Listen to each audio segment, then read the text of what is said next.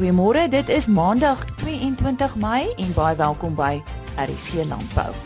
Ons uh, maak klaar hierdie week met ons bydraes vanaf die Suid-Afrikaanse Kaasfees en vanoggend vind ons uit watter rol speel die SA Kaasfees vir die suiwelbedryf in Suid-Afrika.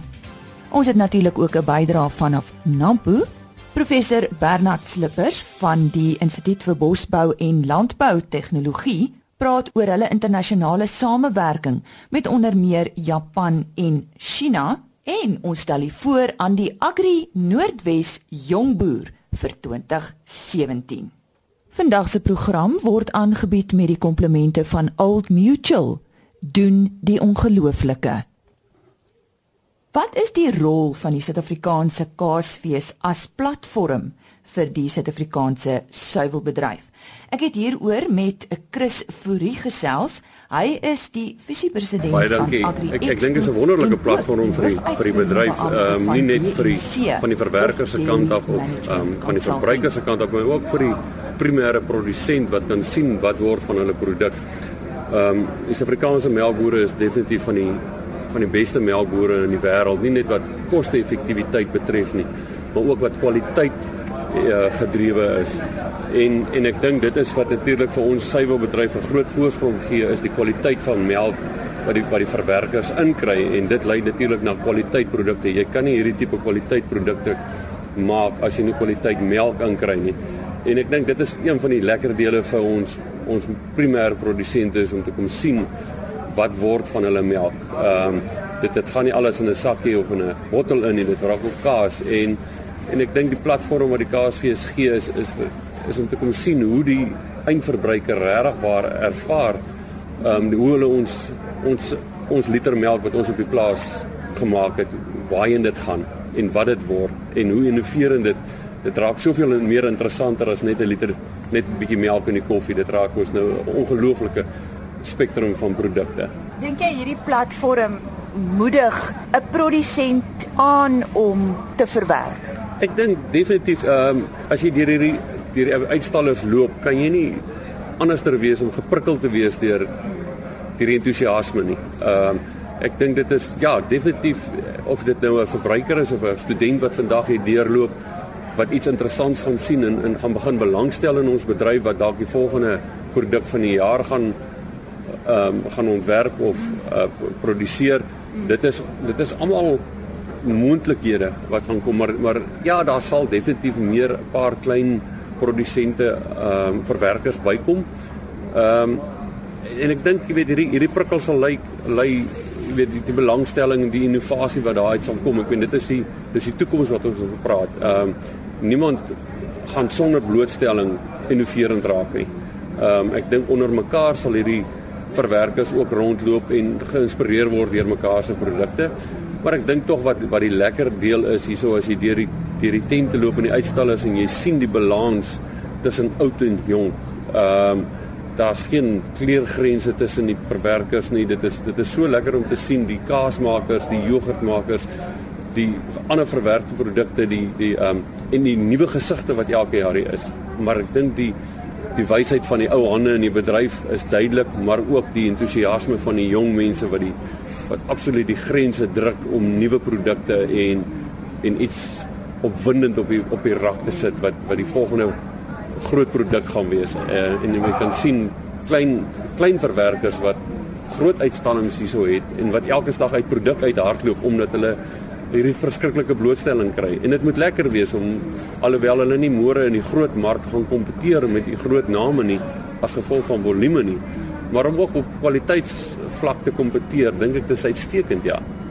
Nou jou rol um, aan die ander kant behalwe as visiepresident van Agri Expo is ook om um, raadgewend te wees vir die suiwelbedryf. En uh, wat is jou indrukke van die suiwelbedryf in Suid-Afrika op die oomblik. Ek bedoel ons is nou deur erge droogte veral hier in die Wes-Kaap, maar 'n melkboer is maar 'n sukkelende boer al vir talle jare. Dink jy so iets het 'n impak want dit lyk nie asof dit 'n impak het nie. Nee, ek ek, ek dink definitief en miskien as ons sê dis 'n sukkelende bedryf, dit is 'n is 'n bedryf wat omdat ons prysnemers is, is dit altyd 'n moeilike bedryf wat dit is. Ehm um, en en daar's ek dink daar's min bedrywe wat die wat die produsent so hard werk 365 dae van die jaar, drie keer 'n dag wat hulle regtig waar en en dit is die, jy doen dit nie sonder passie nie. Ehm um, ek dink vir finansiële gewin is daar baie ander makliker maniere. Ehm um, suiwelprodusente is eh, staan op met passie. En dit was 'n dit was finansiëel definitief van die moeilikste tye wat ek nog ooit in die bedryf gesien het. Nie oor net die droogte nie, maar ook as gevolg van van baie ander fasette. Dit was net die perfekte storm gewees wat ons baie hard gedruk het. Ons het ongelukkig verskriklik baie produsente verloor en ook 'n paar jong produsente waaroor ons baie hartseer is wat net nie in die posisie was om hierdie storm deur te kom nie. Ehm um, ja, dit gaan gaan hierdie gaan hierdie platform terugvloei na beter finansiële toestande toe op die plaas toe. Ek ek dink nie ehm um, as ons nie as ons nie verbruik dit nie. Nee, dan sal dit nie. So so hierdie hierdie gaan die verbruik help. Dit maak dit stel meer mense aan meer produkte bekend. Dit sit 'n ekstra blokkie kaas by vanaand se se ete. Dit dit bring 'n ekstra ehm um, jogurt in die kind se kosblik want dit is iets lekker wat hulle by die kaasfees gesien het en dit is hoe jy 'n bedryf groei met 'n met 'n liter op 'n slag, nie 'n miljoen liter een oggend nie, met 'n liter op 'n slag. Jy maak jong kinders meer lief vir die produk. Jy stel hulle bekend aan 'n groter variëteit. Hy hou miskien nie van die produk nie, maar wel van daai ene. So sonder hierdie sonder hierdie kaasfees gaan ons definitief nie vorentoe gaan nie.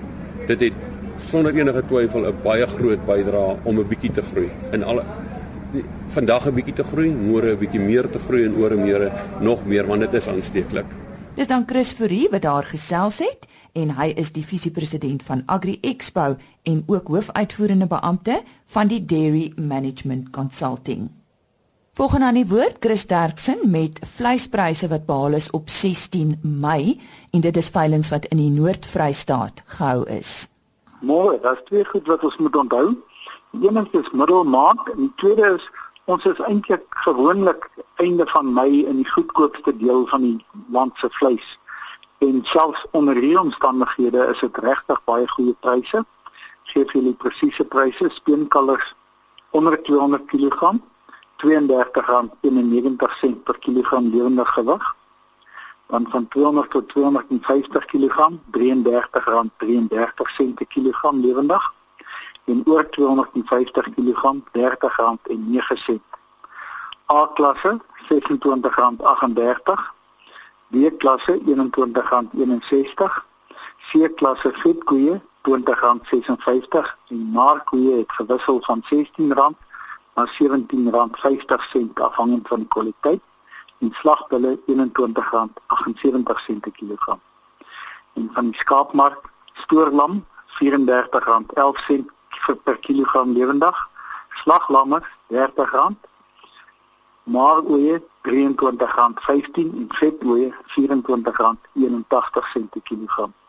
Indien ek van enige verdere hulp kan wees, skakel my enige tyd na 08280 75961. Baie dankie.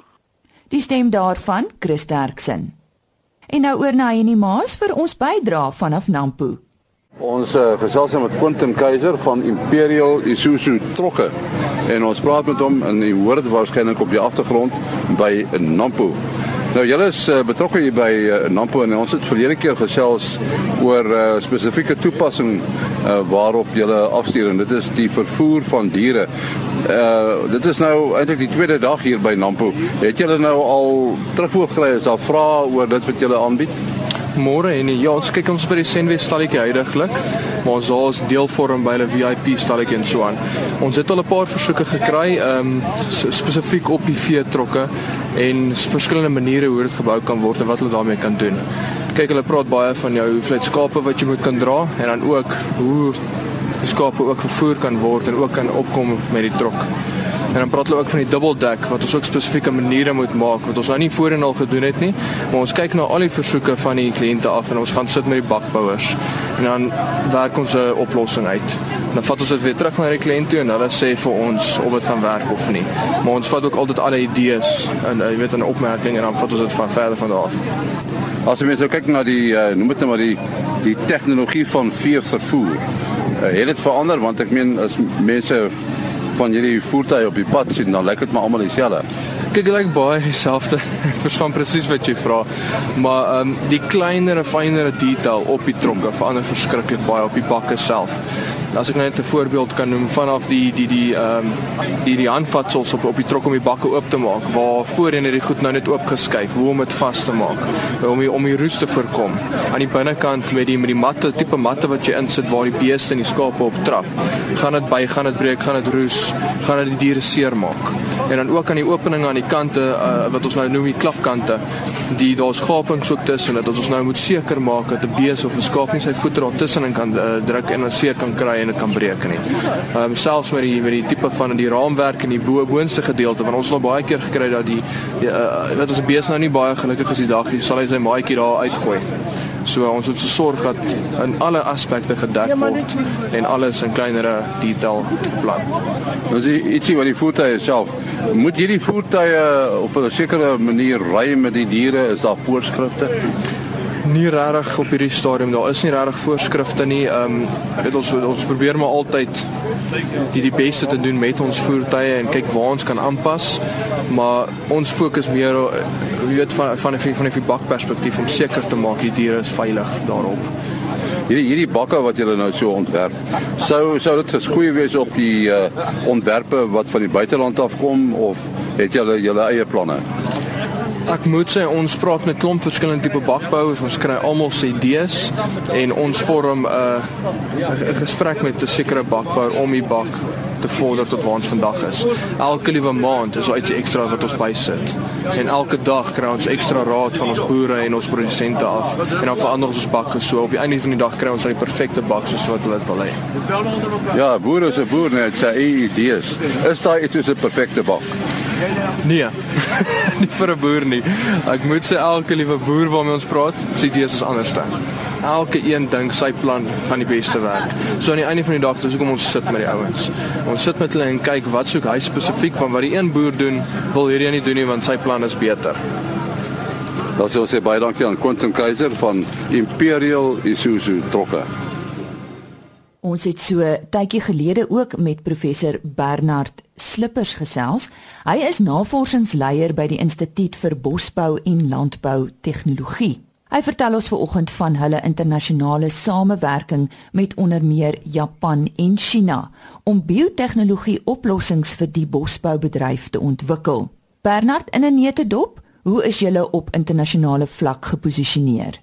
Baie dankie Lise vir die geleentheid. Ja, ons ons is baie internasionaal betrokke, ons is wyd internasionaal betrokke omdat dit essensieel is vandag om navorsing te kan doen en op die voorfront van navorsing te kan wees.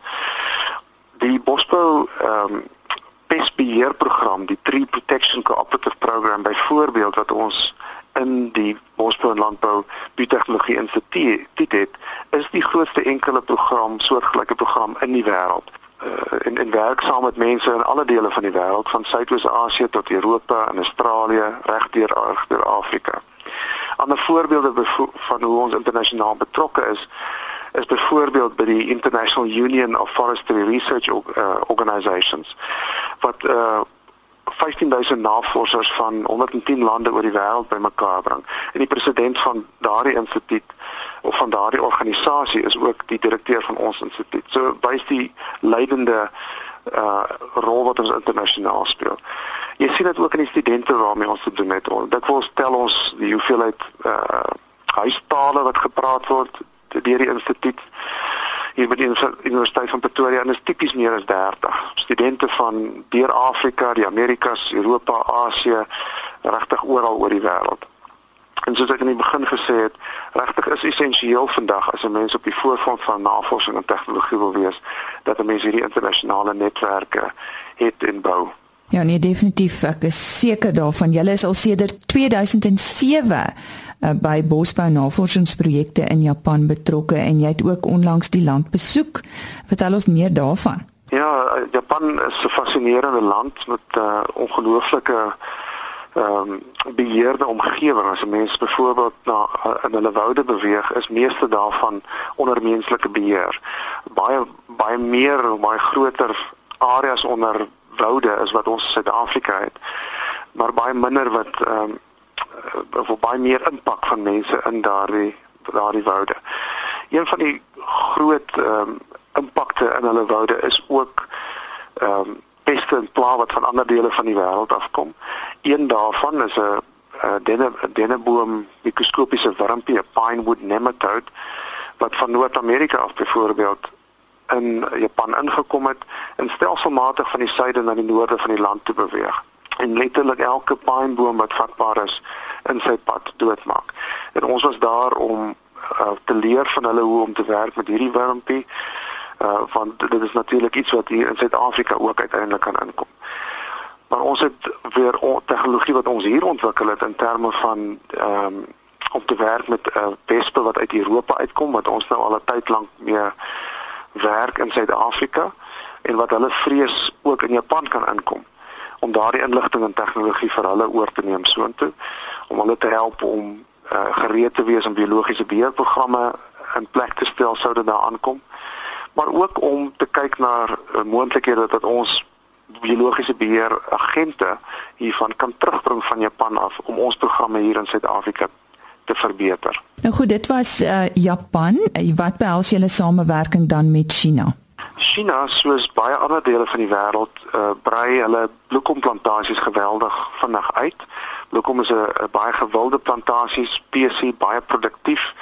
Ehm um, en China is een van die lande waar dit die vinnigste gebeur. Ons hulle het van die grootste bloekomplantasies nou in die wêreld. Maar met hierdie geweldige vinnige groei kom daar ook bring hulle baie materiaal in, daar's baie peste en pla wat daarmee saamkom. Ons het uh, baie kennis oor hierdie peste en pla wat ons oordra soontoe, maar ons betrokkeheid daar help ons ook sien van die peste en pla wat in ander dele van die wêreld besig is om kop uit te steek, maar wat nog nie hier is nie ehm um, wat ons help om voor te berei vir dit wat uiteindelik hier by ons ook sal aankom. China is, is ook 'n land wat geweldig baie uh, belê in navorsingsontwikkeling. So daar's geweldige tegnologiese ontwikkeling in China wat ehm um, dit is weer vir ons 'n voordeel om van daai tegnologie vinnig en effektief te kan oorbring na ons stelsels toe in Suid-Afrika. Nou ek weet julle het 'n omvattende portefeulje van navorsingsprojekte. Is daar iets in die pipeline waarna ons kan uitsien om weer oor te gesels? Ja, inderdaad, uh, Lisa, ons het 'n baie verskeidenheid projekte deur die landbou en die bosbou. Uh, baie daarvan veldgebaseerde en interdissiplinêre projekte, maar ook van die voorste biotehnologie natuurlik wat ons bring na hierdie industrie toe. Een van hierdie ehm um, wat vinnig aan die groei is in alle bedrywe is die impak van genoomwetenskappe en sintetiese biologie en hoe ons hierdie tegnieke kan gebruik om organismes te manipuleer, om beter te produseer, om hulle meer weerstandbiedend te maak, maar ook om te begin om pes populasies direk te teiken. Dit is iets wat nooit regtig in die verlede moontlik was nie. Maar daar's nou tegnologieë soos een wat mense meer en meer van sal hoor, ehm um, is genaamd CRISPR waarmee mens baie spesifieke veranderinge in genome genome van organismes kan maak. En van hierdie tegnieke word byvoorbeeld al gebruik om ehm uh, muskiete te teiken. Ehm uh, mense sou ook gehoor het van tegnieke wat gebruik is om die Zika verspreidende muskiete tydens die Rio Olimpiese spele daai populasies te teiken en daai populasies af te bring sodat die Zika virus nie so effektief kan vers, vers, kon versprei nie dit raak nou vir ons moontlik om hierdie tegnieke te gebruik met al die peste en pla of baie van hierdie peste en pla. En dit is iets wat nooit van tevore ehm um, moontlik was nie. Dink dan byvoorbeeld aan die herfskomando warm waarmee ons ehm um, op die oomblik reg deur Afrika te doen het en wat soveel skade doen. In die verlede kon ons deel vir eh uh, weerstandbiedendheid of ons kon chemikalieë gebruik om hierdie pla te teiken. In die toekoms gaan dit moontlik wees om die organisme self te teiken en die organisme self te verswak sodat hulle ehm uh, byvoorbeeld nie meer 'n spesifieke plant sal aanval nie of dalk minder effektief kan kan voortplant. Die navorsingsleier by die Instituut vir Bosbou en Landbou Tegnologie, professor Bernard Slippers. Kom ons kyk gou na 'n paar veilinge wat plaasvind. Op die 23ste Mei is daar 'n spesiale speenkalf, stoorkoei, stoorlam en slagvee veiling en dit vind plaas by die Royal Auction Centre op Frankfurt. BKB Louet is die afslaers. Die eerste produksieveiling van Considerata South Africa Drought Masters, die vind op die 23ste Mei plaas by die Afridome in Parys. 25 bulle, 35 koeie word opgeveil deur SHM Auctioneers Johan van der Nest. Die derde Bradford Nasionale veiling vind op die 25ste Mei plaas by die Bullring Davol Ermelo. 20 stoetbulle en 80 vroulike stoetdiere dragtig of met kalf word opgeveil. Ook op die 25ste Mei die opmars na die noorde vier sentraal streek Brangus veiling. Die vind by die Afridome Parys plaas. 35 bulle, 100 vroulike diere word deur Jan Mostert van BKB Louet opgeveil. Die 1000 plus produksie veiling vind op die 25ste Mei plaas. Toby Meyburg afslaer se veilingslokaal by Bloemfontein en die aanbod is ons Mara veiling Pik Schultz ons Maras, Wagyus en Alleras veiling. Die afslaer is Teens Visser, Toby Meyburg afslaers is die maatskappy. Tot sover dan veiling nuus. En nou gesels die Agri Noordwes Jongboer vir 2017 met ons oor sy boerdery. Sy naam is Roan van Tonder. En uh, baie goeiemôre uh, Lisa, dankie, dankie vir die bel. Ehm um, ja, uh, ons boer maar met 'n uh, met met met wild ehm um, hoofsaaklik maar gensbokke en buffels en swartbetense en in jare ons het so 10 spesies waarmee ons boer. Ehm um, so ja, ons probeer maar. En waar is die plaas, Roan? Dit is net buitekant Potchefstroom.